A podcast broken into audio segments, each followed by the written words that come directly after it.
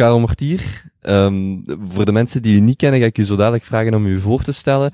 Misschien nog kort even toelichten. Wij kennen elkaar via Airbnb. Dat was toen de aller, allereerste keer dat ik een kamer te huur zette, of dat mijn ouders met mijn hulp een kamer te huur zetten. En jij kwam toen van het verre Ieper naar Bokrijk, omdat je daar een, een, een scholing moest geven. En toen zit je een paar nachten bij ons gebleven.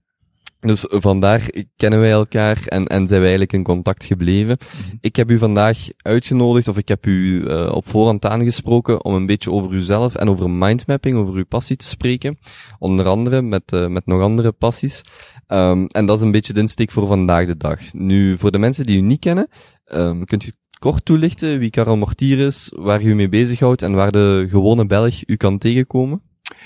Ik ben inderdaad Karel Mortier, een uh, ras-echte uh, Iperling. Uh, mensen noemen mij ook wel een, een creatief expert. dat is eigenlijk een titel die ik heb gekregen. Um, in het dagdagelijkse leven daag ik individuen, mensen, teams en organisaties uit om uit hun kot te komen, met andere woorden, creatief te gaan denken, zaken op een andere manier te benaderen. En ik heb uh, enkele eigen methodes ontwikkeld om individuen, mensen, teams en organisaties uh, daarin te begeleiden. Dus ik ben creatief expert dus en ik maak het mogelijk dat mensen, uh, teams en organisaties, uh, en ik gebruik nu echt het woord out of the box niet, want dat bestaat niet, maar ik incubeer mensen om met hun uitdagingen aan de slag te gaan.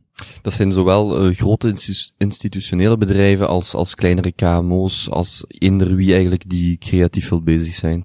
Maar het is niet een kwestie van willen creatief bezig zijn, vaak is het ook uit een stuk noodzaak, uh, zaken op een andere manier te gaan bekijken. En dit kan inderdaad, zoals ik al zeg, een individueel iemand zijn, dat kan een team, een organisatie.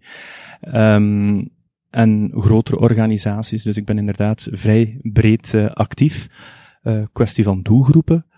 Maar qua methode hou ik uh, voet bij stuk. Met andere woorden, ik heb een motor ontwikkeld waar uh, verschillende vormen van brandstof in kunnen. Mm -hmm. We komen daar zo dadelijk uh, uitgebreid op terug, want dat is natuurlijk een, ook een van mijn grote passies, um, creatief bezig zijn en dat faciliteren. Nog even terug, um, wat heb je gestudeerd? Ik ben eigenlijk een handelsregentaat van opleiding. Dus Vroeger noemen ze dat ook de normaalschool. Uh, ik heb hier gestudeerd uh, in Gent um, gedurende drie jaar, maar ik heb eigenlijk nooit in het reguliere onderwijs uh, terechtgekomen. Dus ik, ik heb nooit in het uh, secundair onderwijs uh, mijn opgedane kennis, en dit was er ook nogal wat, het is een fantastische opleiding geweest, theoretisch, praktisch, goed door elkaar zaken kunnen en durven mogen overbrengen. Dus met andere woorden, de kiem van hetgeen wat ik nu doe, vind ik wel terug in mijn, in mijn opleiding. Mm um, nu, het is niet alleen die opleiding, het is de kiem. Um, ik heb dan ook uh, levenslang leren. Dat is ook voor mij een motto. Dus ik, heb bijkomend uh, gaan studeren, uh, certificaten halen, allemaal een stuk binnen het domein van creatief denken, innovatief denken. Dus het is voor mij ook een vorm van levenslang leren. Dus als mensen vragen, wat heb je gestudeerd? dat gaat niet alleen over hetgeen wat ik in het uh, hoger onderwijs heb gedaan. Maar ja, ik ben eigenlijk nog altijd aan het studeren. uh, dus eigenlijk zou je de vraag mogen stellen, wat ben je aan het studeren in de plaats van wat heb je gestudeerd? Ja. Gaan we u direct stellen, wat ben je op dit moment aan het studeren? Uh, ik ben nu, ik heb net een opleiding opnieuw bij Think Buzaan. straks meer daarover, van, bij Tony Buzaan, bij Chris Griffiths.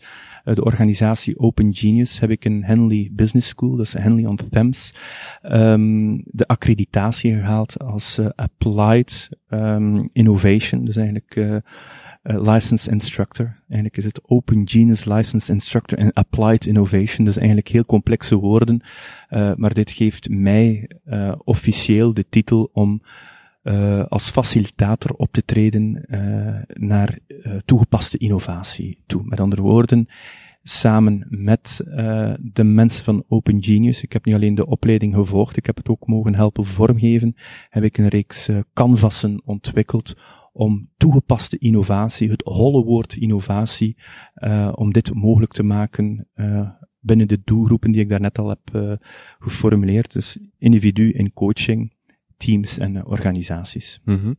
Nog even terug. Wist de 18-jarige Karel Mortier al dat dit zijn levenspassie en pad zou worden? Nee. Nee.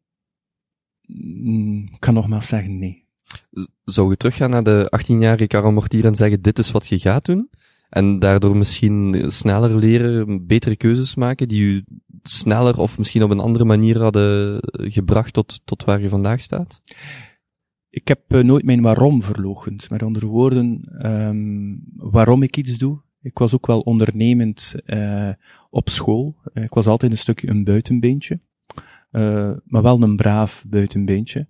Maar ik keek en ik durfde wel zaken in, in vraag stellen. Maar dat dit zich nu zou vertalen in een dergelijk beroep, dat had ik nooit gedacht. Ik eh, wist niet dat zelfs het bestaan van mijn huidige beroep niet op dat moment. Dus het was niet zo van, eh, ik ga nu een fantastische beroepen, bakker beenhouwer worden, dat is duidelijk.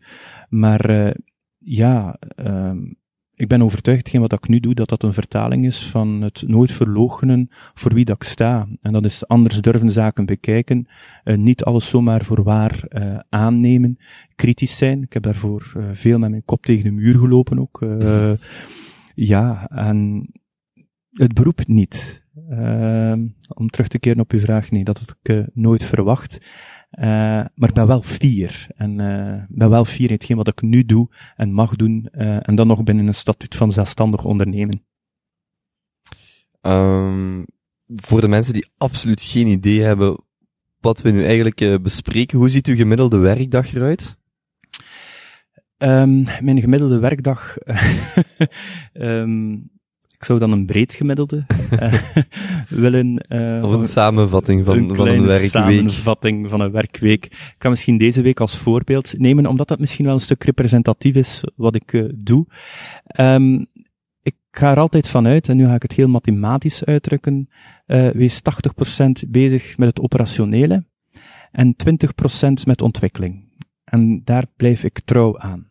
Met andere woorden, eh, als ik het even kijk op eh, dagniveau, dan ben ik inderdaad 80% bezig met werken, een stukje geld verdienen, maar ik maak ook wel tijd om te lezen, eh, te luisteren, zaken te bekijken in functie van wat ik wil bijleren. Ehm, dus die 20% vertaal ik dan ook op weekniveau. Dat betekent dat ik eigenlijk één dag op vijf, dus als ik het in weekdagen bekijk, bezig ben met niet werken, eh, met andere woorden, eh, de cent te verdienen. Niet bezig zijn met een opdracht waarvoor je betaald eh, bent. Ik ben dan vooral bezig opnieuw met ontwikkelen, ehm, eh, zaken uitschrijven, ehm, ja, mindmaps, straks gaan we daar een stuk op terugkeren. Dat is een methodiek om zaken te gaan ontwikkelen, eh, nieuwe zaken integreren van wat ik gelezen ben, de, heb.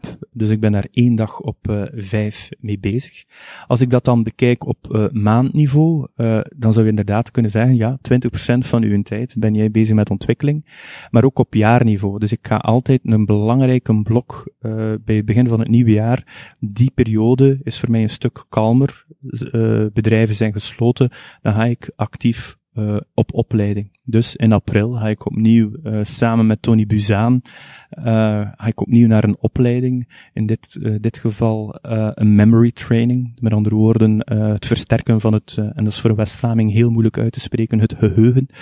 Ehm, dus ik ga op een, waardoor ik ook, en dat is ook mijn passie, het geheugen, wat doen we met onze kennis, hoe kunnen we kennis beter gaan ops, opslaan. En het is ook de bedoeling dat ik ook die accreditatie binnenhaal. Ehm, dus met andere woorden, die grote blok in april staat ook al, eh, al vast. Met andere woorden, wat is mijn dagdagelijkse bezigheid? 80% operationeel met iets bezig zijn, 20% leren. Ik ben een grote treinliefhebber. Mijn klanten l- ja, zijn meestal in Brussel gevestigd. Dan ga ik in Yper op 1 na 6. Nu ga ik even in detail. Neem ik de trein. Ik heb altijd mijn boek mee. eh, ik heb altijd eh, wel iets mee om te leren. Boek binnen, binnen uw professioneel kader? Of, of een boek? Eh, meestal wel binnen een professioneel kader. Eh, u weet het, dat ik een grote hobby heb in het verzamelen van boeken. En ja, ik heb ooit een erfenis gehad van iemand met boeken. En, ja, ik denk door de 200 boeken gekregen. En eh, dat was van, eh, van mijn mentor Bob, Bob Onkelings. En eh, ik heb dan ook wel geleerd, uh, en die, neem, die boeken neem ik dan mee op de trein of in de trein, uh, zijn de oudste boeken die het meest versleten zijn. Dat betekent dat de expert juist die boeken heeft gelezen. Dus de boeken die het meest versleten zijn, zijn de boeken die ik ook het meest lees, omdat ik weet dat een verstandig iemand uh, dat boek ook ter hand heeft genomen. Dus ik lees inderdaad heel mm -hmm. veel in boeken, in het doorgaan en in dus het terugkeren. Dus die oude boeken gaan mee op de trein om 1 à 6 en Ieper ja. richting Brussel. Absoluut. En uh, ik heb dan eigenlijk al twee uur bezig geweest met, uh, uh, met studeren, bijleren. En dan in het terugkeren durf ik dan ook wel even een boek bij de hand nemen. Dus ik, als ik naar Brussel mag, in de trein, dan mag er wel van op aan dat ik toch een drietal uur gelezen heb en met andere woorden mijzelf verrijkt heb. En dan proberen we daar in de volle dagen iets mee te doen, iets te gaan ontwikkelen. Is er genoeg werk binnen de creatieve sector? Zijn bedrijven voldoende op de hoogte van de, um, de voordelen die u ze kan bieden? Uh, daar loop ik enorm tegenaan. Um, bekijk de beleidsnotas, bekijk de uh, strategische notas, de visienotas van bedrijven.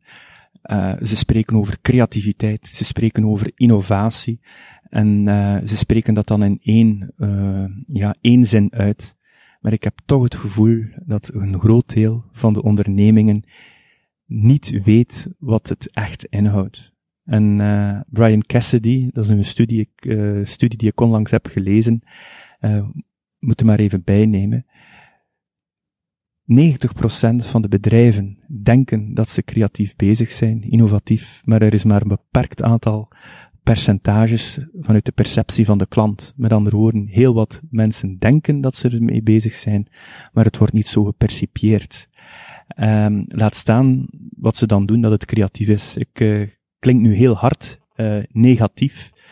Uh, en het is enorm moeilijk om de echte creativiteit, wat het echt is, mensen denken dat het een doel is, maar voor mij is dat een middel creativiteit uh, om een bepaald doel te gaan bereiken. En mensen zien creativiteit als een doel. We moeten creatief zijn, maar creativiteit geeft geen aan- en of-knop. Er staat geen knopje op uw hoofd die zegt, ik ben creatief, ik ga mijn creatief knopje aanzetten. Ja? En dan kom ik misschien een stuk te inhoudelijk. Voor mij een belangrijke voorwaarde tot creativiteit. Er moet een probleem zijn, er moet een behoefte zijn. met andere woorden, als mensen uit hun comfortzone worden getrokken, dan gaat er in principe automatisch een knopje aanslaan van, ja, ik moet hier iets aan doen, dus ik ga hier wel met de ideeën komen. Dus een belangrijke voorwaarde voor creativiteit. Mensen moeten op een of andere manier met een beperking geconfronteerd worden, uit hun comfortzone getrokken worden. En uh, mensen zitten te veel vaak in hun comfortzone, uh, zijn niet altijd bereid om daaruit te stappen. En dit maakt het soms moeilijk om dit uh, vertaald te krijgen. Dat mm -hmm. klopt. Hoe ziet de ideale klant voor u eruit? Is dat een, een, kort traject van één dag, twee dagen? Is dat een langer traject over verschillende maanden heen? Hoe stel ik mij dat best voor als ik morgen pak een KMO heb en ik wil creatiever aan de slag gaan? Ben ik dan bij u uh, bij de juiste persoon? Een kant-en-klare training creativiteit bestaat niet. Ja? Um, voor mij start dat altijd een, uh, vanuit een stuk traject. Ja? Het klinkt nu cliché, uh, maar ik ga aan de slag met waarom ja, zit die klant hier nu bij mij? Waarom roept die klant? Ja? Uh, wat is de ware behoefte? We gaan op zoek samen met de klant, en dat kadert ook in de canvassen die ik heb ontwikkeld. Uh, wat is de uitdaging van die klant? Met andere woorden, uh, ja, waarom zitten we hier samen? En dan is dat mijn, ik noem dat altijd de pieren uit de neus duwen, durven doorvragen, de uitdaging scherp krijgen en dan samen gaan kijken met de klant, ja, hoe gaan we dit hier nu aanpakken, uw uitdaging? Met andere woorden, uh, hebben we ideeën en dan gaan kijken, die ideeën gaan inschatten, uh, ja, vult dit wel de behoefte in? Ja? Dan is dat een traject dat we samen uh, mee aan de slag gaan. Gaan kijken, dit kunnen we plannen, dit kunnen we plannen voor die doelgroep, om dan uiteindelijk te komen tot het plannen op zich. Voor mij is eigenlijk het voortraject een enorm belangrijk iets. En dat is een stuk een uitspraak van Einstein, had ik uh, één uur de tijd om alle problemen in de wereld op te lossen, dan ben ik 55 minuten bezig met de analyse en 5 minuten met de oplossing. En dat is ook iets waar ik trouw aan ben. Dus ik ga niet met kant-en-klare trainingen, daarvoor moeten mensen mij niet roepen. Uh, maar ik ga bij manier van spreken, mocht ik een uur tijd hebben, 55 minuten op zoek naar de behoefte en dan 5 minuten gaan we kijken naar de oplossing en deze ook gaan implementeren. Ja. De implementatie is één, en eenmaal het uur verstreken is om uh, in dezelfde tijdslimieten te blijven, dan gaan we daar ook op terugkeren. Met andere woorden, is hetgeen we gebracht hebben, vervult het de behoefte, waar moeten wij gaan bijsturen. Dus eigenlijk voor mij is het uh, meten, uitvoeren, opnieuw meten. En dit kan heel vaak confronterend zijn bij de klant, van niet alles werd vervuld, maar dan gaan we opnieuw samen op zoek naar uh, oplossingen om de oorspronkelijke geuite behoefte, de scherpe behoefte, om die uh, opnieuw misschien scherper te krijgen en te gaan kijken welke oplossing kunnen we daarvoor uh, bieden. Met andere woorden, het creatieve proces die ik leer aan mensen, moet ik ook voor mezelf gaan toepassen. Je moet ook trouw zijn. Walk your talk uh, gebruik ik heel graag. -hmm.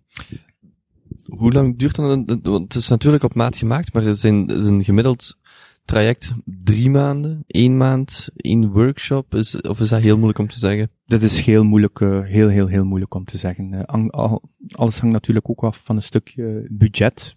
Laat ons eerlijk zijn, ook tijd die mensen er willen uh, insteken. maar ik wil zeker um, ook wel zeggen, het gaat niet alleen over training. Hè. Het gaat ook over coaching, faciliteren. Training, dat is maar een middel. Ja. Ik vergelijk het als volgt. Een van mijn hobby's is koken. Ja, als ik tijd heb, dan kook ik graag. En als ik een goede kok wil worden, dan kan ik op verschillende manieren leren. En een eerste belangrijke manier is een opleiding volgen. En ik weet het, via allerlei instanties, organisaties zijn er kokopleidingen. Dus met andere woorden, ik kan mij inschrijven. En dat is heel tijdsintensief. Maar de kans dat ik daar iets leer, is groot, maar dat ik het meteen kan toepassen, dat is klein. Misschien een paar maanden na de opleiding sta ik in de keuken en komt dan iets naar boven die ik een paar maanden eerder heb geleerd en kan ik het dan gaan toepassen. Met andere woorden, een training op zich, het zou kunnen dat tussen de behoefte en het geleerde, dat er daar een hele grote tijdspanne in zit. Een tweede manier voor mij van leren, dat is uh, oefenen. Met andere woorden, uh, met iemand samen aan de slag gaan. Die persoon maakt het hoofdrecht, ik maak het bijgerecht. En uh, we wisselen ervaringen uit aldoende. En dat is ook een leermethode. Met andere woorden, in mijn dagdagelijkse praktijk moeten we ook oefenen op de werkvloer, begeleid door. Met andere woorden, leren van elkaar. Het werkplek leren. En daar zijn er ook methodes voor. Ik kan ook um, lezen uit boeken. Ja, boeken lezen, kijken naar televisieprogramma's om iets bij te leren over koken. Ja, vanuit een stukje nieuwsgierigheid. En dan kan ik dit gaan toepassen. Met andere woorden, ik vraag ook in mijn trajecten, wees nieuwsgierig voor de leerstof. Ga op zoek naar bronnen vanuit uzelf, een stuk zelflerend om bij te leren. Met andere woorden, je gaat het niet allemaal leren van mij als trainer. En ik wil ook een onderdeel maken van dit proces. Dus ga zelf, wees nieuwsgierig, wees leergierig. En een vierde methode, en dat vind ik een van de meest fantastische methodes, maar dat heeft te maken met een stuk mindset, dat is het toevalsleren. Als ik in de trein zit, en er gaan twee dames spreken over koken, wat gebeurt er, denk je? Mijn interesse gaat uit naar koken. Dan gaan mijn voelsprieten zeggen van, tja, die dames zijn bezig over koken, dat interesseert mij. Dan ga ik leren. En die twee dames spreken dan over een Vlaamse stoverij die ze maken met peperkoek in plaats van uh, een mosterd um, en een boterham. Kobe, ik noteer dat dan op mijn actielijst. Die twee mensen heb ik hier per toeval bezig gehoord over het maken van een stoofvlees. Daar heb ik het bij geleerd. Met andere woorden, leren doe je een stukje vanuit een open mindset. En vanuit het creatief, ja, mijn passie, ga ik vooral mensen leren, wees open, luister, uh, kijk, ja, vang signalen op. Ja, en vanuit een sluimerende behoefte ga je heel veel bijleren. Met andere woorden, mensen uitdagen om actiever te gaan luisteren. Met andere woorden, leren gaat niet alleen in training, het gaat ook wat je doet op de werkplek, waar je interesses naar uitgaan, ja, en uiteindelijk ook om je voelsprieten open te zetten en per toeval iets uh, te leren. Ja. Als je gedurende tien jaar lang drie uur per dag over iets heel specifieks leert, dan word je wereldleider, word je wereldspecialist over het onderwerp dat je geleerd hebt.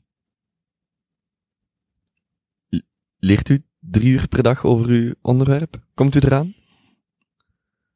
Ik heb niet de ambitie om wereldspecialist te worden in mijn domein, maar ik ben er wel van overtuigd dat mijn mindset rond uh, creatief denken, wat er in de wereld bestaat, dat, uh, dat ik daar toch wel uh, ongetwijfeld drie uur uh, mee bezig ben. Zij het via het lezen in boeken, om te luisteren wat mensen vertellen. Um, ja,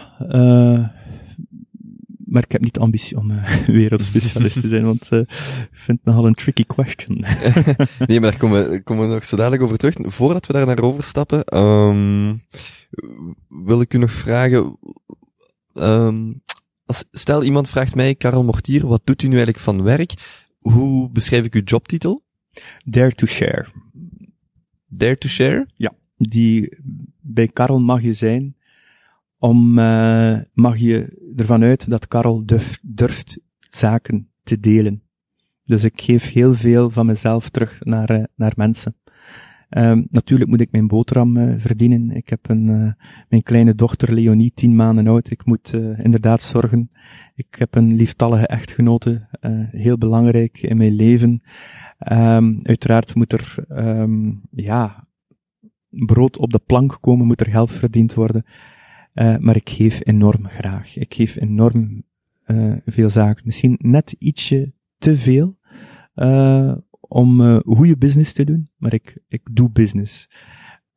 Uh, maar aan de andere kant, um, ja, als ik in mijn passie van doen mensen iets bijbrengen, iets van mezelf kunnen geven, en als ik dan zie dat de mensen er iets mee doen, dan, dan ben ik heel uh, tevreden. En is dat nu in een context van training of een per toeval een informele ontmoeting in het verre Limburg, uh, het maakt niet uit. Het is altijd de verplaatsing waard, want ik leer ook op dat uh, moment ook wel bij. Ja. Mm -hmm.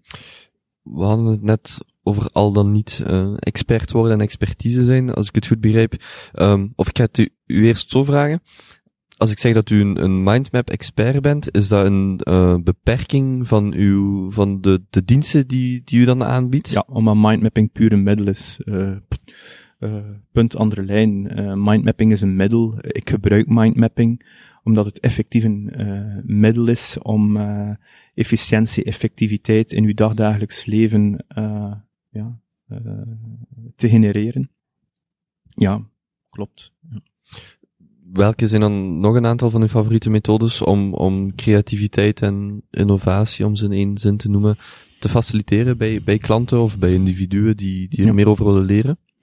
Uh, mijn canvassen die nu in volle ontwikkeling zijn, die ook al uh, ja, wel beproefd zijn. Uh, in samenwerking met Tony Buzaan en Chris Griffiths hebben wij een reeks canvassen ontwikkeld, die nu volop in de markt gezet worden, die eigenlijk uitgaan van permanent divergeren, breed kijken, convergeren, divergeren, convergeren. De mensen de kans bieden, uh, dankzij de canvassen, om even uit een context te komen, om dan terug te keren naar de oorspronkelijke uitdaging. Um, dus met andere woorden, een stuk vast afgebakende canvassen die mensen uitdagen om tegen zaken anders aan te kijken doorheen het Hanse creatief proces. Mm -hmm. En mindmapping is daar een onderdeel van om brainstormen uh, te gaan ondersteunen. Dus mindmapping kan onder andere een middel zijn om brainstorm te gaan ondersteunen. Is het het businessmodel om die canvas uh, enkel en alleen via opleiding aan te bieden? Of gelijk een, ik zeg maar een business model canvas, um, voor de hele wereld te delen en dan als expert uh, workshops of trajecten te, te faciliteren? Um, en dat is ook de uitdaging. Hè? Um, je hebt het klaar en uh, wat doe je er nu mee? Ik heb onlangs, ben ik uh, opgemerkt door een, een hele goede vriend van mij, die zegt, Karel, eigenlijk ben jij een echte ondernemer, um, dank u wel. Um, maar jij onderscheidt u zich nog van andere ondernemers. Heel wat ondernemers eigenlijk ondernemen, dat is een stuk een, een, een, een, een geschenk. En een geschenk bestaat uit de verpakking en de inhoud. En de tip die ik aan iedere jonge ondernemer meegeef, werk heel sterk aan uw inhoud. Ja. Uh, kom niet uit met blitse uh, websites, blitse folders, uh, die uiteindelijk weinig inhoud voorstellen. Het is een stuk sterker, maar wel lastiger om permanent bezig te zijn met uw inhoud, uw inhoud te laten uitdagen, feedback te vragen van de inhoud. En eenmaal dat daar rond is, en ik ben nu na acht jaar op dat punt van ik heb iets ontwikkeld, uh, acht jaar expertise die ik heb kunnen bundelen in die canvassen, ondersteund door de Brits, die Britse partner. En nu, voilà, nu kan ik daar een stuk uh, verpakking rond doen. En eigenlijk is nu mijn volgende vraag, hoe zet ik dit hier nu in de markt? Uh, door een blitse campagne, ik denk het niet. Uh, opnieuw vermoed ik op dezelfde manier, met vallen op opstaan, organisch. En dan kijken we misschien met een stuk uh, naar organisaties die met middelen, dure marketingmiddelen, gelijkaardige canvassen de markt inzetten. Maar misschien uh, ja, de inhoudelijke expertise ontbreken om dat te gaan begeleiden. En ik bedoel absoluut geen specifieke organisaties of uh, collega's, maar ik ben eerder van het principe, zorg eerst dat je een heel goed product hebt, uh, dat je ontwikkelt met vallen en opstaan, uh, durf feedback vragen daarover, um, durf met je kop tegen de muur lopen, maar blijf bijschaven, maak het rijker, uh, doe er wat peper en zout mee vanuit uw persoonlijke ervaringen. En nu kan ik voor het eerst in uh, acht jaar zeggen van ik zit met hier iets dat niet kant en klaar is, maar dat wel marketable is. En we zien wel hoe het we in, in de markt zetten ik ben geen marketing specialist, dan ga ik mij ook moeten omringen door iemand die mij dat helpt in, in de markt te zetten. Dat is de strategie. En dan goede afspraken te maken met die persoon. Daar zitten we nu in die fase. Um, en er een partnership uh, van maken. En met die marketeer, die ook geïnteresseerd is in de canvas, om te zeggen, kijk, het is even goed uw product als het mijne is. Jij weet het, hoe dat je de, de vorm eraan geeft. Ik kan wel zorgen voor de inhoud. Dus het vermarten ga ik niet uh, de dure campagnes, maar ga ik wel zoeken naar een, een partner die achter het product staat, die met know-how zit om dat uh, in, de, in de markt te, te plaatsen.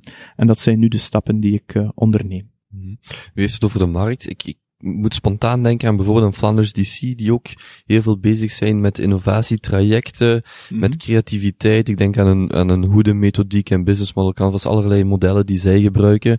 Um, is dat überhaupt concurrentie? Is die markt gewoon zo groot? Zijt jij je eigen, kunt je volledig je eigen koers varen? Of, of in, in welke mate ik probeer het te bekijken vanuit het standpunt van iemand die geprikkeld is door het creatieve proces en die voor zichzelf naar de beste oplossing gaat om zoiets mogelijk te maken. Dus uh, iemand die, ik zeg maar, een boek wil schrijven, een website een, of binnen een bedrijf werkt en die ziet allerhande tools die er zijn, maar die mm. misschien niet allemaal even doeltreffend zijn.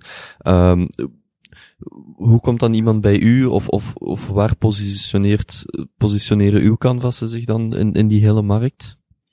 Um, waar positioneer ik mij op drie niveaus? Je hebt de canvassen op zich die een bepaalde fase hebben in het proces. Voor mij is het heel duidelijk welke canvas waar in het proces thuis hoort. Is het op uh, de uitdagingsfase, een canvas op de ideeënfase, een canvas op de inschattingsfase, een canvassen op de richtingsfase en dan ook nog canvassen van hoe ga je nu je product in de markt gaan zetten. Dat zijn canvassen die toegepast worden op de verschillende stappen in het proces. Die ervoor zorgen dat je ook een stuk inhoud kunt gaan creëren. Met andere woorden, kan de persoon op zich, of gefaciliteerd door een expert, ja, inhoud geven aan die uh, canvassen. Met andere woorden, je hoeft niet met het proces en de inhoud op hetzelfde moment bezig te zijn. Met andere woorden, huur iemand in die schakelt in het proces, zodanig dat je zelf met een inhoud kunt gaan bezighouden. Dit kan via mezelf als facilitator, maar voor mij is het de bedoeling om ooit mensen zelf te accrediteren binnen die methodiek, binnen organisaties, zodanig dat ze bij het proces uh, kunnen gaan faciliteren. En het derde, dit zijn ook de vaardigheden die gekoppeld zijn aan het proces. De intrapreneurvaardigheden, de entrepreneurvaardigheden, die doorheen het proces aan bod komen. En binnen deze methodiek hebben wij ook spiegels ontwikkeld om u zelf in vraag te stellen, waar kom ik tot best tot uiting in het proces? En dat is dan ook een heel interessante oefening voor organisaties om een stuk competenties binnen het creatief innovatief proces, om dat even te gaan in de spiegel te gaan houden en om mensen individueel ontwikkelingspunten aan te bieden om in de toekomst de methodiek nog efficiënter en effectiever in de organisatie te gaan toepassen. Dus drie niveaus. Het proces op zich, ja, de inhoud die ontstaat uit het proces, maar ook u zelf in vraag stellen. Hoe heb ik mijn competenties ingezet binnen het proces aan de hand van heel concrete spiegels? Dus, dus als ik het in mijn woorden samenvat, absoluut niet de bedoeling om iemand een canvas of een model te geven en te zeggen, doe maar en that's it, maar echt een soort van begeleiding en een volledig traject waarin dat die creativiteit en innovatie dan kan plaatsvinden. Er zijn al organisaties genoeg die voldoende uitbrengen uh, met uh, glossy paper, dit in de markt zetten en ook gratis ter beschikking stellen. Maar uh, ja, um, het is alsof dat je een auto zou krijgen en je kunt niet rijden in een auto en je krijgt ook geen chauffeur ter beschikking. Ik ga nog meer doen, ik ga een stukje chauffeur spelen, maar na verloop van tijd ga ik u ook leren rijden met die wagen. Het is aan de hand van die analogie dat ik het wil uh, uitdrukken. Mm -hmm. ja. Even denken. Zijn er bepaalde misconcepties rondom uw creatief werk? Ik ben daar niet bang van. Um, maar ze zijn er wel. Ongetwijfeld, omdat ik uh, nogal, uh, en dan is dat durven in eigen boezem kijken, heel conceptueel kan zijn. En dat is ook hetgeen wat ik nu tegenaan gelopen heb. Karel, vertaal dit concreet, wat je doet. En die canvassen zijn daar nu een antwoord op. En ik stel die canvassen voor aan verschillende KMO's. En dit werkt. Ze willen ermee aan de slag. En dan krijg je nog de feedback. Wij geloven in uw passie en uw energie. Maar als u nu die canvassen bij het voorstellen nog concreter zou maken, dan ga je ongetwijfeld nog meer mensen. Dus voor mij is dat een uh, levenslang uh, proces. Uh, ja. Maar ik geef, ik geef nooit op. want twee jaar geleden, voor hetzelfde geld, zat ik hier niet meer. En dat heeft mij altijd gesterkt. Um, ja, ik ben zwaar ziek geweest, uh, opgenomen op intensieve zorg, een paar dagen in coma gelegen. En ik moet wel zeggen dat dit uh, ervoor gezorgd heeft wie dat ik nu ben. Uh, niet bang zijn van een tegenslag. Um, voor hetzelfde geld zat ik hier nu niet. En dankzij mijn vrouw, die mij dan echt gevonden heeft, mij opnieuw ja, erdoor getrokken heeft, dan kan ik u wel zeggen, als je het licht ziet, of het licht gaat uit, als ik zo zeggen, uh, dan denk je daar wel uh, exact, uh, ja, dan, dan, dan denk je daar wel over na, want 3 februari 2014, ja, er zou wel een keer een kruisje kunnen gestaan hebben op Karel Mortier die dag. En ik moet zeggen dat die beleving toch wel heel mijn leven veranderd heeft. een heel ander kijk kregen op het leven. En dan ben ik eigenlijk niet bang om te falen. maar dus te meer ga ik luisteren wat mensen zeggen en ermee aan de slag te gaan.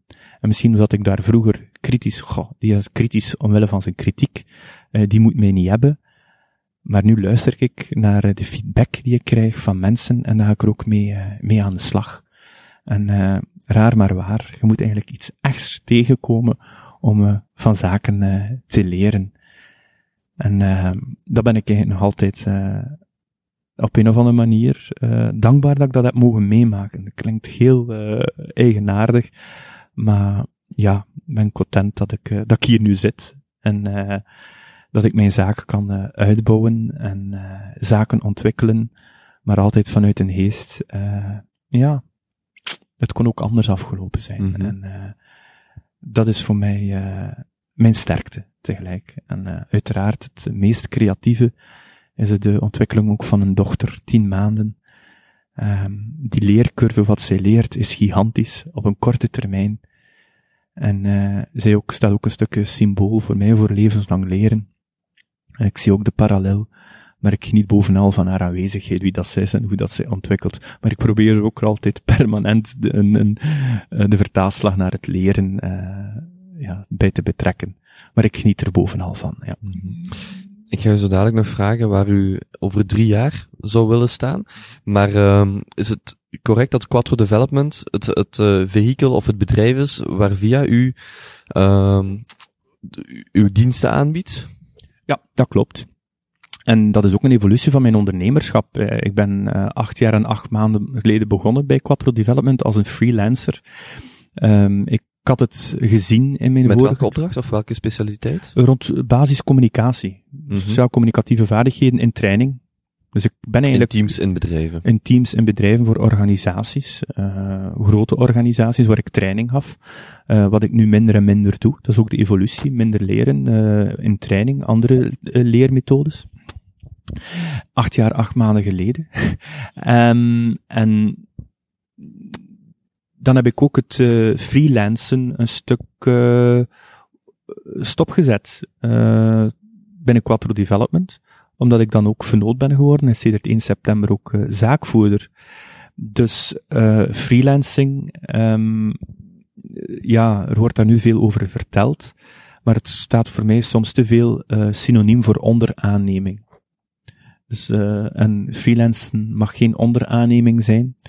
Uh, freelancing, dat is ook ondernemen. En uh, voor mensen die actief zijn in de wereld van freelancing, daag ik even uit om daarover na te denken. Is freelancing eigenlijk geen veredeld woord voor onderaanneming? Is freelancing moet eigenlijk ondernemend uh, zijn. Dus en ondernemen, ja, dat is altijd vanuit een onderpositie. Vandaar dat ik ook gezegd heb van dat ondernemen, ik ga overnemen. En uh, vandaar dat ik de stap heb gezet van freelancer naar um, aandeelhouder en sinds 1 september zaakvoerder van Quattro Development. Dus ik heb het eigenlijk van onderaannemer naar ondernemer naar overnemer en nu ben ik zaakvoerder. Waar wilt u over drie jaar staan? Uh, binnen drie jaar uh, wil ik de kenniscentrum Denkkracht, want dat is het kenniscentrum binnen Quattro Development, ontwikkeld hebben. Ik wil 15 mensen opgeleid hebben voor hetgeen waar ik nu zaken aan het ontwikkelen ben. Met andere woorden, in Vlaanderen, België, het mag ook breder, 15 mensen rondom mij die met passie de methodiek de methode, de manier van werken om mensen aan te zetten om anders te kijken in hun dagdagelijks leven, zij het in hun job, zij het in hun privé, om dat proces te kunnen faciliteren. Dan ben ik een heel gelukkig man als ik daar 15 mensen uh, voor kan vinden. Dat is mijn professionele doelstelling, maar tegelijkertijd moet ik er mij ook gelukkig bij voelen bij die, uh, bij die doelstelling. Ja? Dus ik kan het hier kwantificeren, maar ik moet er ook kwaliteit aan geven. En uh, er zijn, voel ik mij hier goed bij. Dat is mijn uh, doelstelling binnen uh, ja, het kenniscentrum Denkkracht binnen Quattro Development. Hoe ziet u de markt evolueren in de komende drie jaar dan bijvoorbeeld? Is de markt überhaupt groot genoeg om, om voor nog een canvas plaats te bieden? Heeft u genoeg afzetmarkt om, om uw product, als ik het zo mag minimaliseren, um, rendabel te maken? Ik denk ook dat we Europa moeten bekijken als een land. Um, Waar ik mij zeker wil in onderscheiden, is dat uh, ik heb partnerships in, uh, in Groot-Brittannië, om samen met die partners aan de slag te gaan, waardoor dat je automatisch uh, breder kunt gaan kijken. Um, nu gaan kijken in de glazen bol, hoe ziet het er binnen drie jaar uit? Um, dat kan ik niet zeggen. Um, de wereld uh, verandert permanent en het is juist een ondernemersvaardigheid om permanent te gaan anticiperen zonder uw uh, waarden te gaan verloochenen, om uh, daarmee bezig te zijn, goed anticiperen, schaven, bijsturen. Um, ik vergelijk wat naar het, uh, wat het World Economic Forum uh, heeft beschreven, wat zijn de belangrijkste competenties uh, voor leiders in 2020, leidinggevenden.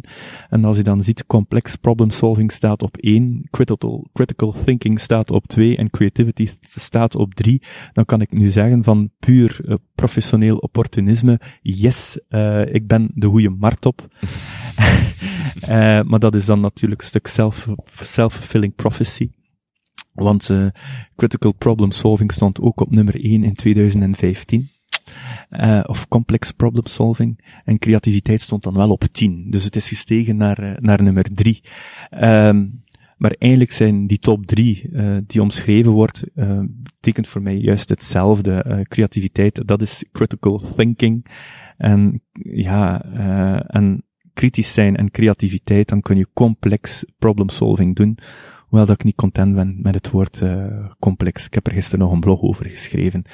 Uh, als de mannen van Davos zeggen complex problem solving wordt de belangrijkste competentie in 2020, dan maken ze zich het eigenlijk zelf heel complex door dat te gaan zeggen. Uh, en dan ga je complexen op de nek van mensen gooien, omwille van complex. Met andere woorden, laat het complexe denken maar over aan specialisten. Ik hoef daar niet aan mee te doen. Dus ik denk niet dat ze met die top 10 de wereld hebben wakker geschud. Mm Voor de mensen, voordat ze eigenlijk bij u komen aankloppen om bijvoorbeeld een, een, een cursus of een traject te volgen, heeft u een aantal tips um, die iedereen in acht kan nemen om, om um, zijn of haar eigen creativiteit te stimuleren. Ik denk bijvoorbeeld, eh, want ik, het is natuurlijk weer een, eh, een eh, egocentrische vraag, maar elke dag x aantal woorden schrijven, elke dag um, een tekening maken elke dag. Ik heb bijvoorbeeld een neefje die heel goed tekent en dan zeg, vraag ik hem om ook andere vormen dan alleen maar auto's bijvoorbeeld te tekenen, om, omdat hem daarvan zou gaan leren. Hoe kan de, de gemiddelde mens zijn of haar creativiteit een beetje kanaliseren of toch tenminste um, sprongen vooruit maken? In ieder geval um, durven uit uw comfortzone. Met andere woorden, als je inderdaad gewoon bent van uh, vierkanten te tekenen, probeer ook even cirkels uh, te tekenen. Um, als je gewoon bent van op vrijdag op restaurant te gaan, ga niet altijd naar hetzelfde restaurant, durf ook even iets anders te ontdekken. Met andere woorden, uzelf uitdagen en misschien dagdagelijkse gewoontes even op een andere manier te gaan doen. Uh, dat kan ook leuk worden, hè. Goh, um, een keer een andere trein nemen per toeval. Je weet nooit waar het u, uh, u brengt. Dat zijn allemaal zotte ideeën. Uh, maar eigenlijk kun je het niet gaan forceren, omdat mensen um, zo graag in hun comfortzone zitten waar ze zich goed in, in voelen. Eigenlijk zou ik bepaalde managers durven uitdagen. Um, verander een keer iets heel kleins in je organisatie. Uh, wist even van stoelen. En je gaat meteen zien of uh, de mensen daar creatief gaan op reageren, of eerder behoudsgezind, maar lok het een stukje uit. En ik zou zeggen, je moet het niet alleen, ga misschien met twee aan de slag. Ik ben even aan het, uh, volop aan het brainstormen. Um, doe een keer het werk van uw vrouw, of uh, wissel even van job uh, in het gezin. Uh, experimenteer, doe iets anders. Um, goh, neem even bewust een andere weg. Laat toe dat een weg afgesloten is, dat die omleiding moet volgen, in de plaats van te jammeren op zoek naar de oranje pijl, geniet van de omgeving. Dit zijn voor mij allemaal zaken om te zeggen van, uh, even de open geest, geniet van het andere dat op u afkomt. Uh, dit zijn allemaal kleine reeks tips dat je kunt, kunt gaan doen. ja, maar een mens is creatief, maar het is vaak ondersneeuwd en het komt naar maar boven wanneer dat ze in een bepaalde context uit hun comfort worden uh, geduwd. Met andere woorden, dat er zich een behoefte stelt, dat, er, dat ze voor een probleem staan. Dan slaat de creativiteit aan. Ja? En na een opleiding um, komen mensen na een dag buiten en die zeggen van, Karel, ik heb mijn creatieve vaardigheden herontdekt dekt. En dat is voor mij het mooiste compliment, omdat we dan in die context experimentgewijs uh, aan, de slag, uh, aan de slag gaan. Uh, ja, lees een boek dat je normaal niet gewoon was, bent om te lezen, maar wees ook karakter, heb het karakter om het boek door, door te lezen. dus daag uzelf uit en dan gaat creativiteit automatisch uh, naar, uh, naar boven komen. Ja. Mm Karel, ik wil u nog een paar snelle vragen stellen, maar voordat ik, want dan gaan we weg natuurlijk van uw, van uw professionele ja. uh, uitdagingen. Is er misschien een vraag die ik u, die ik u ben vergeten te stellen over, over uw creativiteit, over uw professionele vaardigheden? Misschien iets wat ik ben, ben vergeten te, te vermelden? Ehm, ik heb natuurlijk mijn zelfstandige activiteit, uh, maar ik geef ook nog heel graag individuele begeleiding aan uh, jongeren. Um, ik begeleid op dit moment een drietal jongeren, uh, ja, met dyslexie. en dat doe ik enorm, enorm, enorm graag, omdat je dan verplicht bent om vanuit een stuk beeld te denken, want ik ben een echte beelddenker uh, leermethodes bij te brengen bij die jongeren. En, uh, en dat is niet om, om de centen te doen, maar dat is om die glimlach te zien uh, van een jongen die in de kunsthumaniora zit en die een toets aardrijkskunde heeft over de kosmos en die dan een mindmap maakt met niet anders dan muzikale symbolen. En heeft daar een half uurtje werk voor en om aan de hand van ene mindmap met uitsluitend muzikale symbolen de Hanse samenstelling van de kosmos kan beschrijven. En uh, dan weet ik van, ja, ik ben, uh, ben goed bezig. Uh, ik heb iemand gelukkig gemaakt. En dat is ook hetgeen wat ik dagdagelijks doe in mijn, in mijn leven, is een stuk share, of dare to share, durf te delen. Ik ben er 41. Ik heb intussen al heel wat ervaring en ik deel heel graag die ervaringen. Ik wil mensen inspireren met mijn expertise. En dat is ook in avondopleiding. Ik uh, ga nog altijd met een glimlach naar avondopleiding, waar dan mensen die operators zijn aan een machine, gedurende twee dagen, gedurende twee dagen op een week, gedurende twee jaar een opleiding volgen, en dan op het einde van die twee jaar kunnen zeggen van, ik heb oog op een andere job, de inzet die die mensen hebben om dat te bereiken, dat is ongelooflijk en ik begeleid daar graag mensen die iets willen bereiken en ik bied daar graag een ondersteuning in. Um, ik ben nog jong, maar ik heb een en ander wel al uh, als expertise achter de rug, persoonlijke levenservaring. Um, want het is niet altijd roze geur en maneschijn, maar vanuit die negatieve zaken voor mezelf probeer ik toch wel zaken positief te vertalen naar mijn doelpubliek. Uh, individuele coaches, cursisten, studenten, uh, doelpubliek binnen, on, uh, binnen organisaties. Voor mij gaat het niet om, om de leerstof op zich, maar ik wil ook wel mensen een stuk gaan inspireren. En dan moet je dat even op een andere manier doen. En dan is dat inderdaad walk your talk. Even vanuit een creatieve invalshoek mensen gaan uitdagen. Mm. Karel, als er een middelbaar vak is, dat u direct zou verplichten, welk zou dat dan zijn? Beelddenken. Beelddenken? Ja. Met andere woorden, uh, het is verboden één letter te gebruiken uh, tijdens die opleiding. Met andere woorden, de leerstof van het uur ervoor gaan we je volledig uittekenen. Ik ben ervan overtuigd dat mensen de leerstof van dat uur ervoor een stuk beter zouden uh, gaan onthouden. Maar ja, uh, we zijn het verleerd om te tekenen. Uh, we zijn verleerd om kleuren te gaan gebruiken, omdat we inderdaad in een maatschappij zitten die heel rationeel, structureel is. Maar dat daagt mij juist uit om het even op een andere manier te gaan bekijken. Ja. We zijn een maatschappij die heel sterk gefocust is op woorden, maar we zouden vergeten dat er zo, ook zoiets bestaat als beelden. En het is ook ooit de oermens, die kon geen letters schrijven, maar die kon toch met beelden, tienduizend jaren later, duidelijk maken wat zij bedoelden. Ja. Dus met andere woorden, een cursus beelddenken, één uur per week introduceren, maar op een onverwacht moment. Als u morgen 30 seconden voor een boodschap van algemeen nut heeft, wat deelt u met uw landgenoten?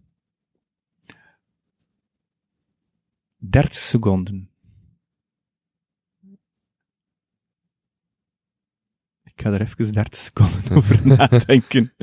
ik wil u ook wel ondertussen even een andere vraag stellen om, uh, om uw tijd te nemen.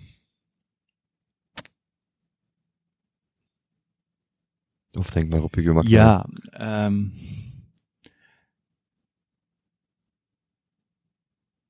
dan zou ik vragen. Neem een blad papier. Ja. Noteer drie uitdagingen. Een uitdaging voor vandaag, een uitdaging voor dit jaar en een uitdaging voor de komende drie jaar. Ja. En ga meteen mee aan de slag met de uitdaging voor vandaag. Denk daarbij over na Ga aan de slag met uw uitdagingen en durf uw uitdagingen te delen met andere mensen. Met andere woorden, uh, kom uit uw kot en ga aan de slag met uw uitdagingen. Er zijn mensen genoeg die u kunnen, die u kunnen helpen. Ja.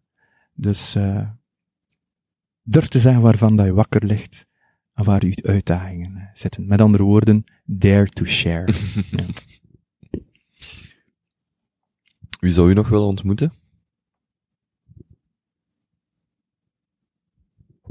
Wie zou ik nog willen uh, ontmoeten?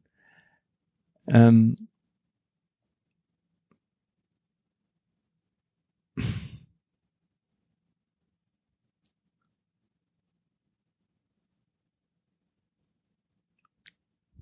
Heel moeilijke vraag. uh, als ik straks buiten kom en ik ontmoet iemand, dan ga ik daar kunnen op antwoorden, en dat is een heel interessante. Dan zou ik kunnen durven zeggen van, ik ben eigenlijk gelukkig dat ik u nu ontmoet heb, maar echt op zoek gaan naar iemand die ik echt zou willen ontmoeten, ik vind dat nogal een dwingende vraag. En uh, er is zo'n... Uh... Iemand misschien waar u naar opkijkt, die u nog eens waar u graag, of met wie zou u graag een uurtje willen samenzitten? Kan ook even goed niemand zijn natuurlijk.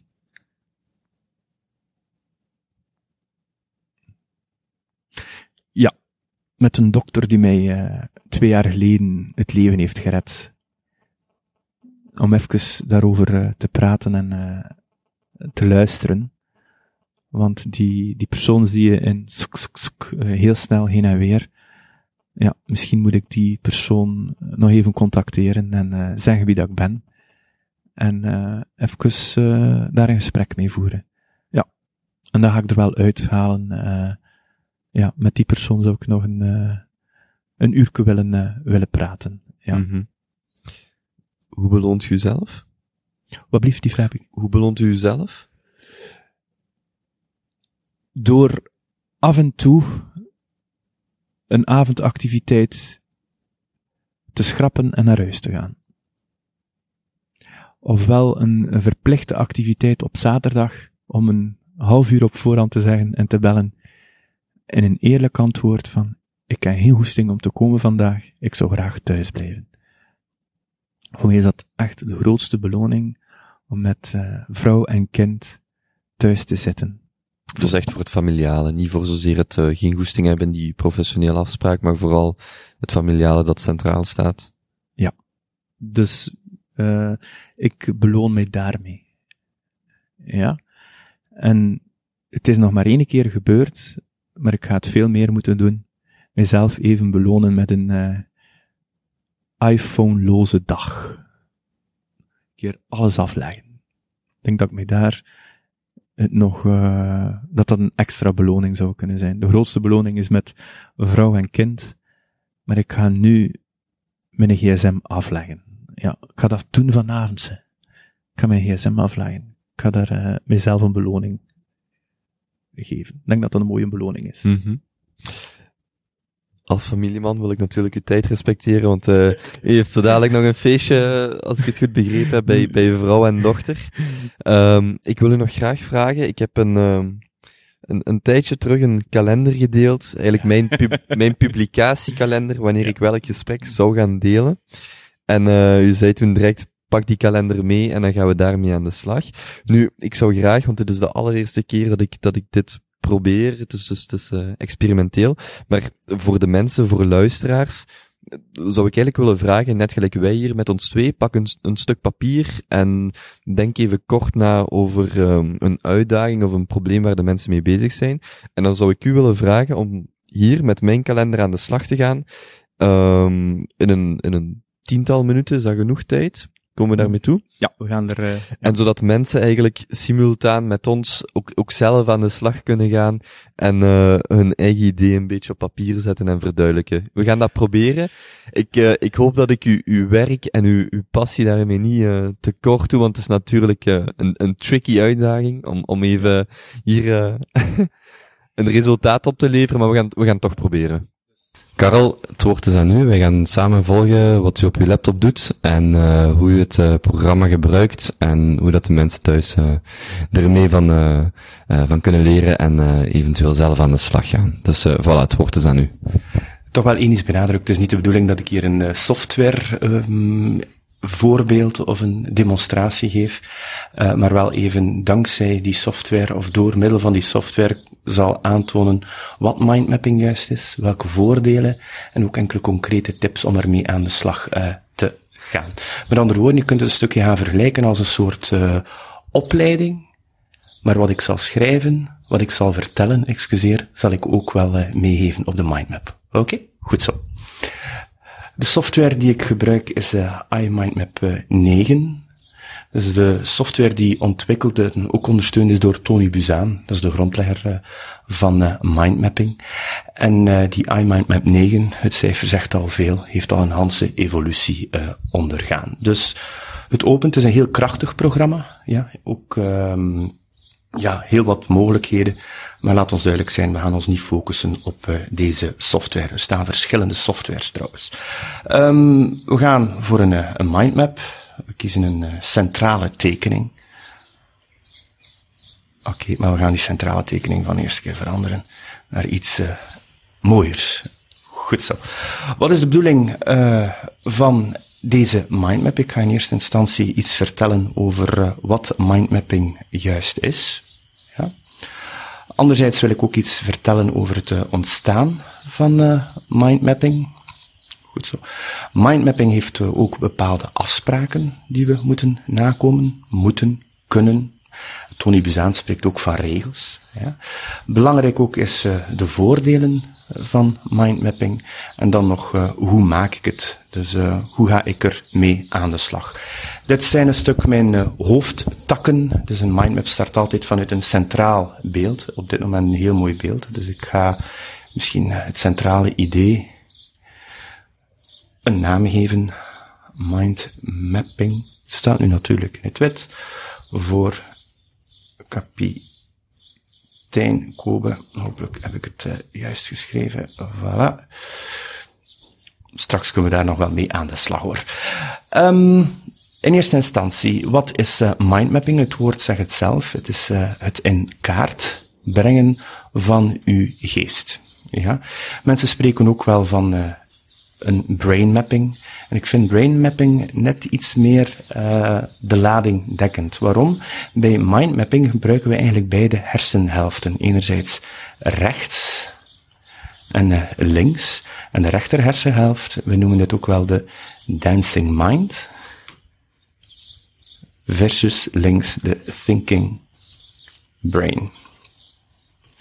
En daaraan zie je dat mijn mindmap al uh, serieus aan het uh, groeien is. Inhoudelijk, uh, Dancing Mind, dat is de creatieve geest. Dat is het creatieve, Thinking Brain, dit is onze structuur. Dus in die zin gaat mindmapping ervoor zorgen dat zowel beide hersenhelften werken. Dus voor de chaoten biedt dit een stukje meer structuur. En voor de mensen die structureel denken, heeft hen dat ook de kans om wat chaotischer te gaan werken. Dit is het grote voordeel. Dus het is in kaart brengen van uw geest, uw hersenen. U hebt de rechter hersenhelft en een linker hersenhelft. Dus mindmapping uh, is ontstaan. Ik heb hier ook een ontstaan um, arm, maar laten we zeggen, ik ga die wissen en ik ga hier spreken over ontstaan. Voilà. Even uitbreiden. Uh, Tony Buzaan. Tony Buzaan, uh, de grondlegger. dat is een Britse professor is een, uh, even kijken, hoppa, een Brit. Ik heb het geluk gehad om die man in uh, 2015 15 persoonlijk te gaan ontmoeten. Ik ben dus ook in de leer mogen gaan uh, bij professor Buzan en ik heb daar eigenlijk heel mooie herinneringen aan. Dus hij is eigenlijk de grondlegger van het gegeven. We spreken nu over de jaren 70, 80. Dus het is eigenlijk al een vrij, tussen aanhalingstekens, oud instrument. Goed zo. Belangrijk om, uh, om weten, uh, hoe gaan we nu aan de slag met een mindmap? Uh, wat zijn de voordelen en de afspraken? Stel voor dat we daar ook even die armen binnen stappen. In eerste instantie zou ik wat willen meer vertellen over de, de afspraken. Ik ga die arm hier plaatsen. Dat ziet er allemaal wat chaotisch uit, maar zo werkt software nu eenmaal. Dus mijn beide hersenhelften uh, zijn op dit moment actief. De afspraken. Heel belangrijk bij mindmapping is dat we altijd starten vanuit centraal idee. En dit centraal idee, dat kan een, uh, een beeld zijn. Ja, je ziet hier het uh, uw beeld. Ja. Maar dat kan ook een, een woord zijn. Of tekst, laten we ons tekst noemen. Of de combinatie van beide. Dus het start altijd vanuit één centraal idee. Goed.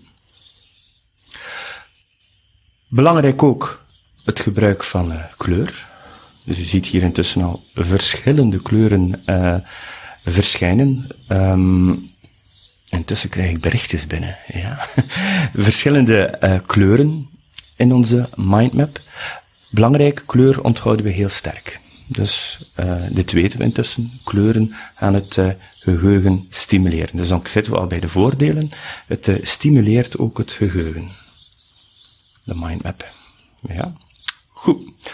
Ook belangrijk bij mindmappen is dat we eigenlijk streven naar één woord of beeld per arm. Ja? En dan zou je afvragen, hoe komt dan die armen hier eigenlijk on, uh, allemaal verschijnen? wel, dan moeten we teruggaan naar mindmapping op zich. Mindmapping is niet anders dan een vertaling van hoe onze, man, uh, hoe onze hersenen juist werken. Ja? Hersencellen worden verbonden door dendrieten. Hersencellen worden verbonden door dendrieten. En door het feit dat we woorden erop plaatsen, spreken we van een stuk synaps in de mindmapping. Dus het woord versterkt die dendriet. Ja, dus het werkt eigenlijk volledig volgens onze hersenen. Ja, dus werking hersenen. Het is eigenlijk de vertaling van onze werking van de hersenen op papier. Ja. Goed. Belangrijk ook in een mindmap is dat we zoveel mogelijk in wijzerzin werken. Ja? Je start eigenlijk van boven naar beneden. Zeg je na verloop van tijd, ja, die afspraken moeten even op een andere plaats uh, gezet worden. Dat is het voordeel om te werken met, uh, met software. Hè? Goed. Nog een uh, belangrijke afspraak is het gebruik van beelden. Ja? Ik zeg altijd, beelden zeggen duizend maal meer dan woorden. Ja? Je ziet ook het beeld van uzelf, daar centraal, dit gaat meer in het oog gaan springen. We noemen dit ook wel het primaire effect. Door het feit dat we beelden gaan zien, gaan we meer aantrekking. En ook beelden gaan ook een stuk meer ons geheugen gaan ondersteunen. Dus ik ga het beeld even van u ook hier opplaatsen. Dus software laat ook ons toe om via uh, websites en dergelijke te gaan uh, drag and drop te gaan verslepen. Goed zo.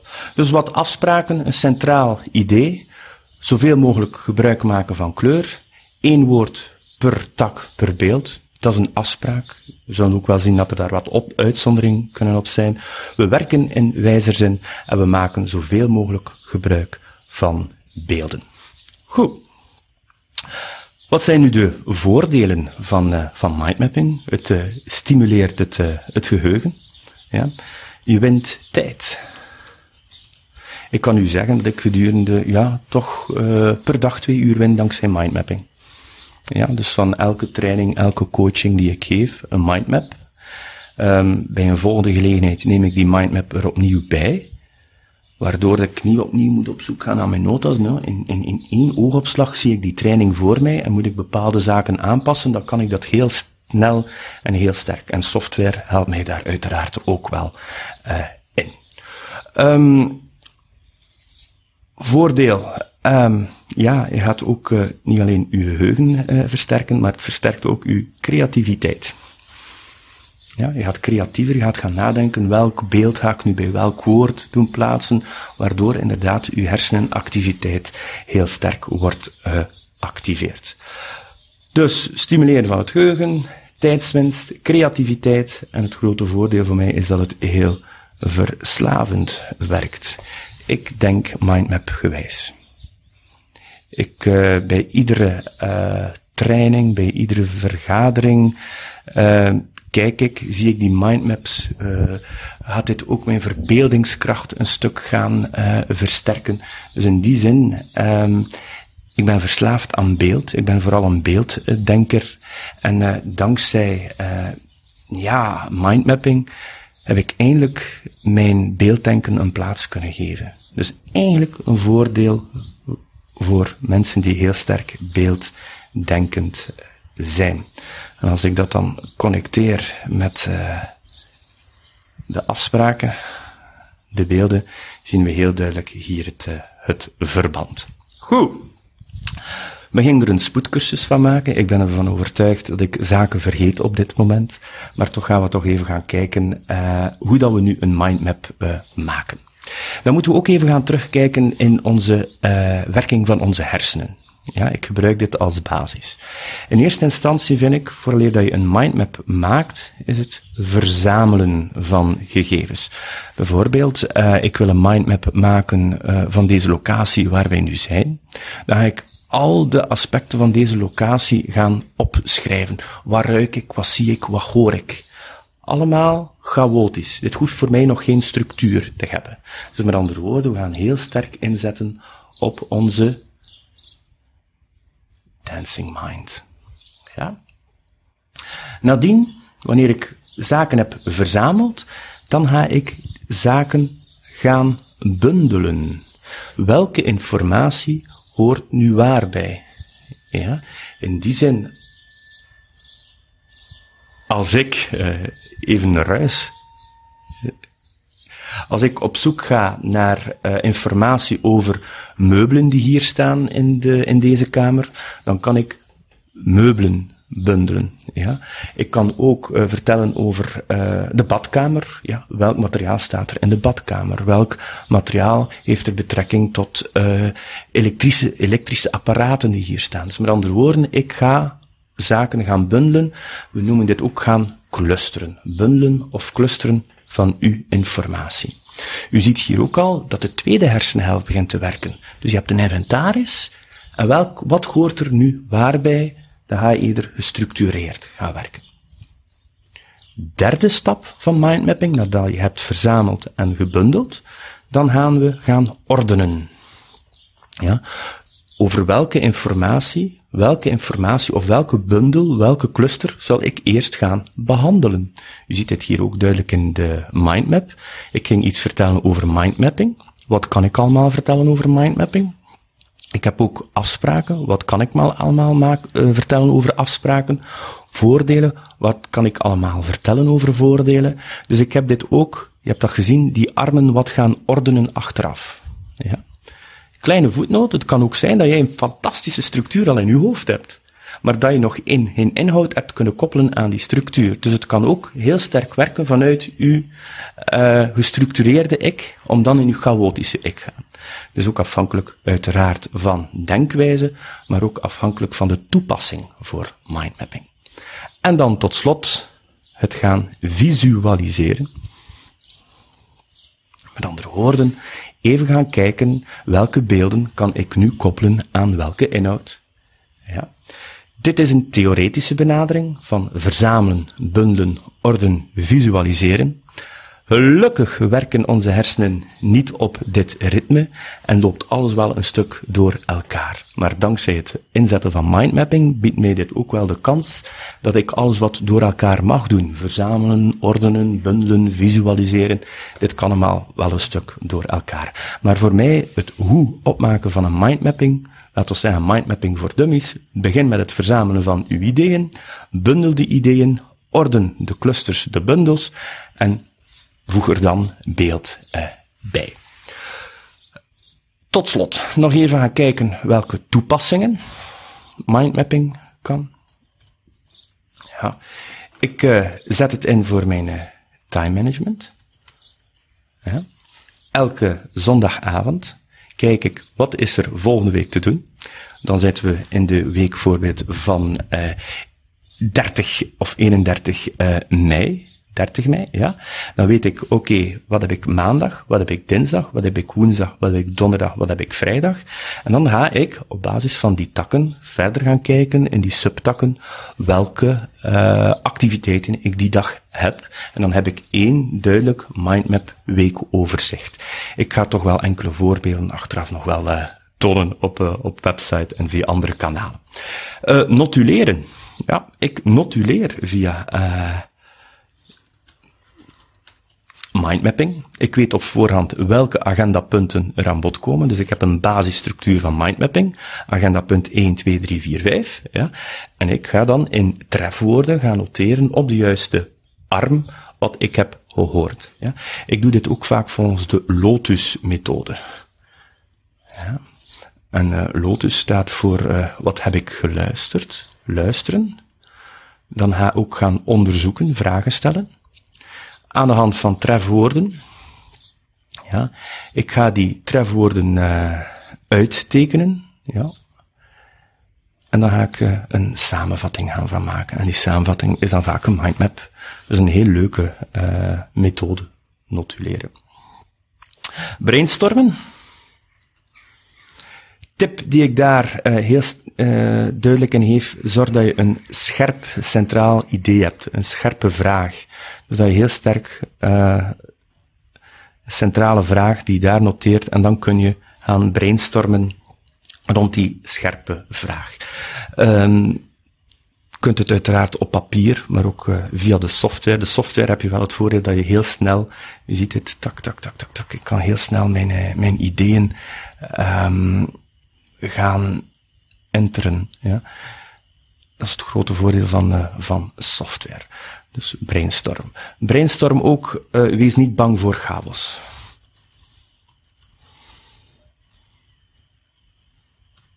Want brainstormen, dat is ook het uh, verzamelen principe, wordt daar ook een stuk mee gelinkt. Weet je, ik geef ook speeches met mindmapping. Ja, een, ik kan gerust een, een, een speech van één uur op één A4 mindmap. Ja, en dan is het voor mij heel belangrijk dat die mindmap bestaat enerzijds in de eerste centrale idee is uiteraard het thema van mijn speech. De eerste arm, mijn opening, ja, waarmee ga ik uh, openen, dat is dan mijn eerste arm. Tweede arm, ja, welke anekdote kan ik hier uh, vertellen? Ja. Uh, in mijn speech ga ik ook kijken welke beelden kan ik gebruiken in mijn speech, als ik werk met een soort presentatie. Um, goh, um, welke uh, link kan ik leggen met mijn uh, publiek? En uiteraard, mijn speech eindigt altijd met een recent effect. Met het recent effect waarmee ga ik eindigen, waar ook een stuk mee kan plakken. Dus met andere woorden, mijn speeches, opening, anekdote, beeld, eh, de link met mijn publiek en een recent effect. Dat is eigenlijk een vijf trapsmethode die ik via mindmapping um, gebruik, waardoor dat mijn speeches een stuk geordend zijn vanuit mijn chaotische ik. Time management, notuleren, brainstormen, uh, speeches, maar ook levenslang leren. Ja. Ik weet dat je een, een boekenworm bent, Kobe. En uh, ja, al mijn boeken vat ik samen in een mindmap. Ik lees ongeveer een gemiddelde van anderhalf boek per week. En elk boek wordt samengevat in een mindmap. Hoe ga ik hier ook uh, te werk? Puur volgens het systeem van uh, de Lotus-methode. Ja, ik, uh, in de plaats van luisteren ga ik dan natuurlijk wel lezen. Ja, lezen is eigenlijk visueel luisteren.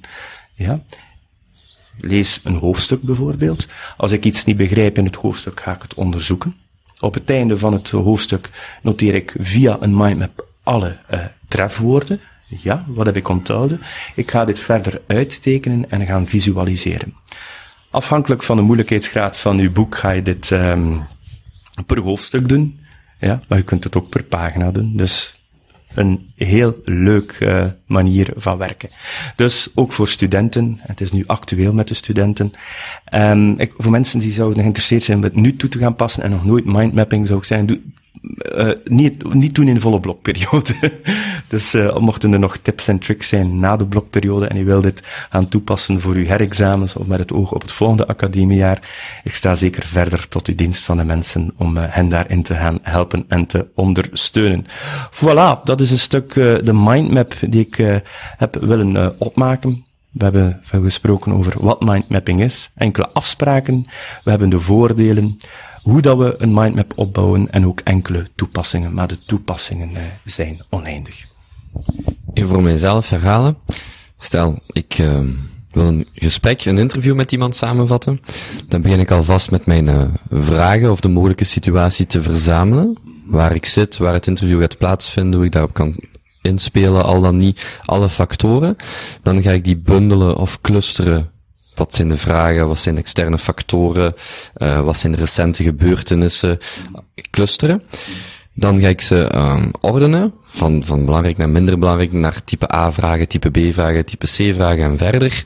En tenslotte ga ik het visualiseren in één mindmap, waarbij ik een overzicht heb van bijvoorbeeld de vragen, van de dingen die tot, in, tot invloed kunnen zijn, zodat ik op het moment dat ik bij de gast zit, een heel overzicht heb van alle mogelijke uh, factoren die een invloed hebben op mijn interview of uh, podcast. Klopt dat? Dit klopt, je hebt er een eigen vertaling uh, van gemaakt. Eén tip dat ik nog kan geven, u sprak in het begin over context. Ik zou het, je hebt een context mindmap, maar je hebt ook de inhoudelijke mindmap. Ja? Met andere woorden, ga heel sterk in, het laatste heb je dat benadrukt, een inhoudelijke mindmap. Welke zijn mijn A-vragen, mijn B-vragen, mijn C, mijn D-vragen? Ja?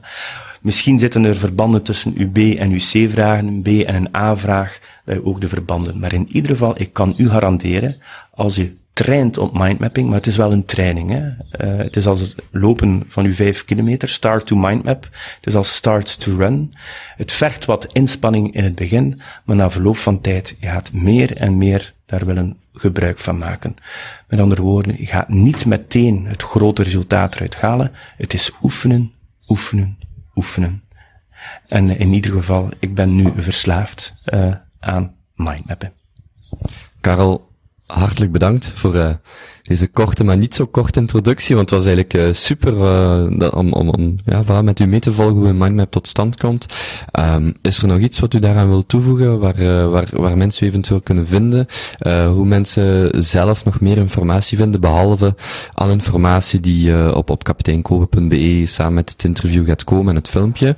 Um, wel, laten we dat er nog aan toevoegen.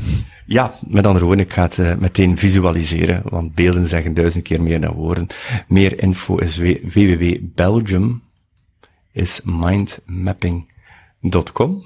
Ja. Uh, je mag ook altijd twitteren at, at Mortier. ja, karel.mortier at outlook.com. Uh, dit is mijn privé-privé e-mailadres, maar ik gun u luisteraars deze van harte.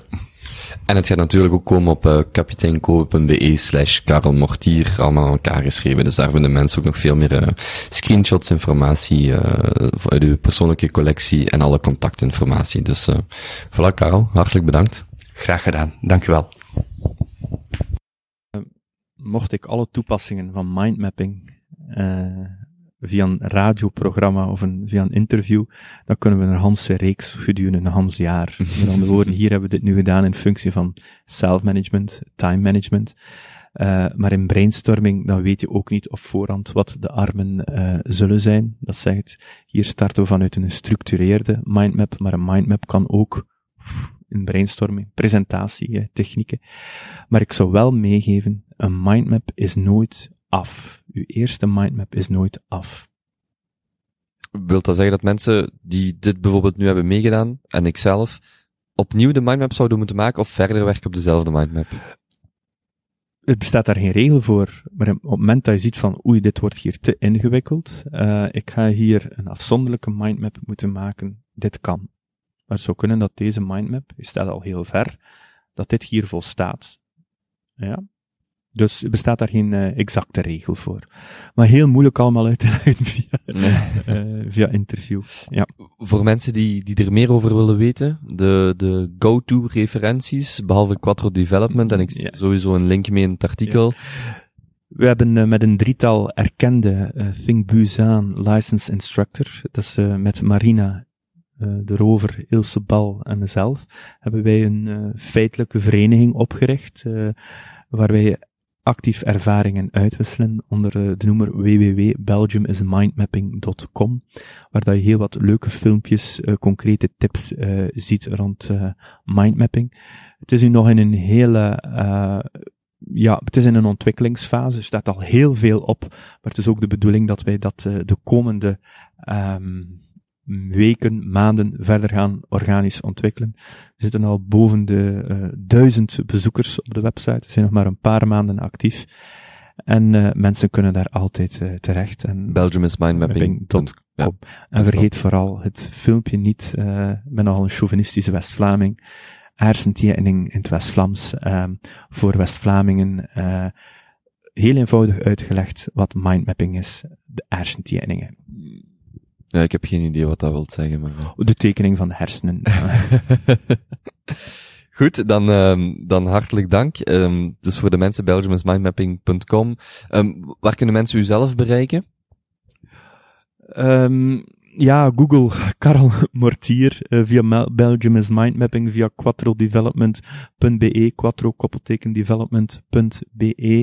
Uh, maar ik zou zeggen, uh, zet het bij de link. zij kunnen wij, mij wel vinden. Al is het voor een leuke babbel. je mag mij gerust contacteren. Je behoort dan tot mijn uurtje. misschien, dat mag langer dan een uur, dat kan korter. Maar jij die mij contacteert, kan een onderdeel zijn van mijn of uw levenslang leren. Dan ga ik u hartelijk bedanken voor het uurtje, het uur en een kwartier om uh, de tijd vrij te maken. En dan uh, ga ik u heel veel, het is exact zes uur, dus uh, ga ik u heel veel plezier toewensen bij het gezinnetje, bij de familie vanavond. Ja. En dus voor iedereen die, die meer wilt weten, ik zet alle relevante informatie bij het artikel. En dan ga ik u nogmaals hartelijk danken, Karel Mortier. En ja, nog heel veel succes ermee. Oké, okay, schip ahoy.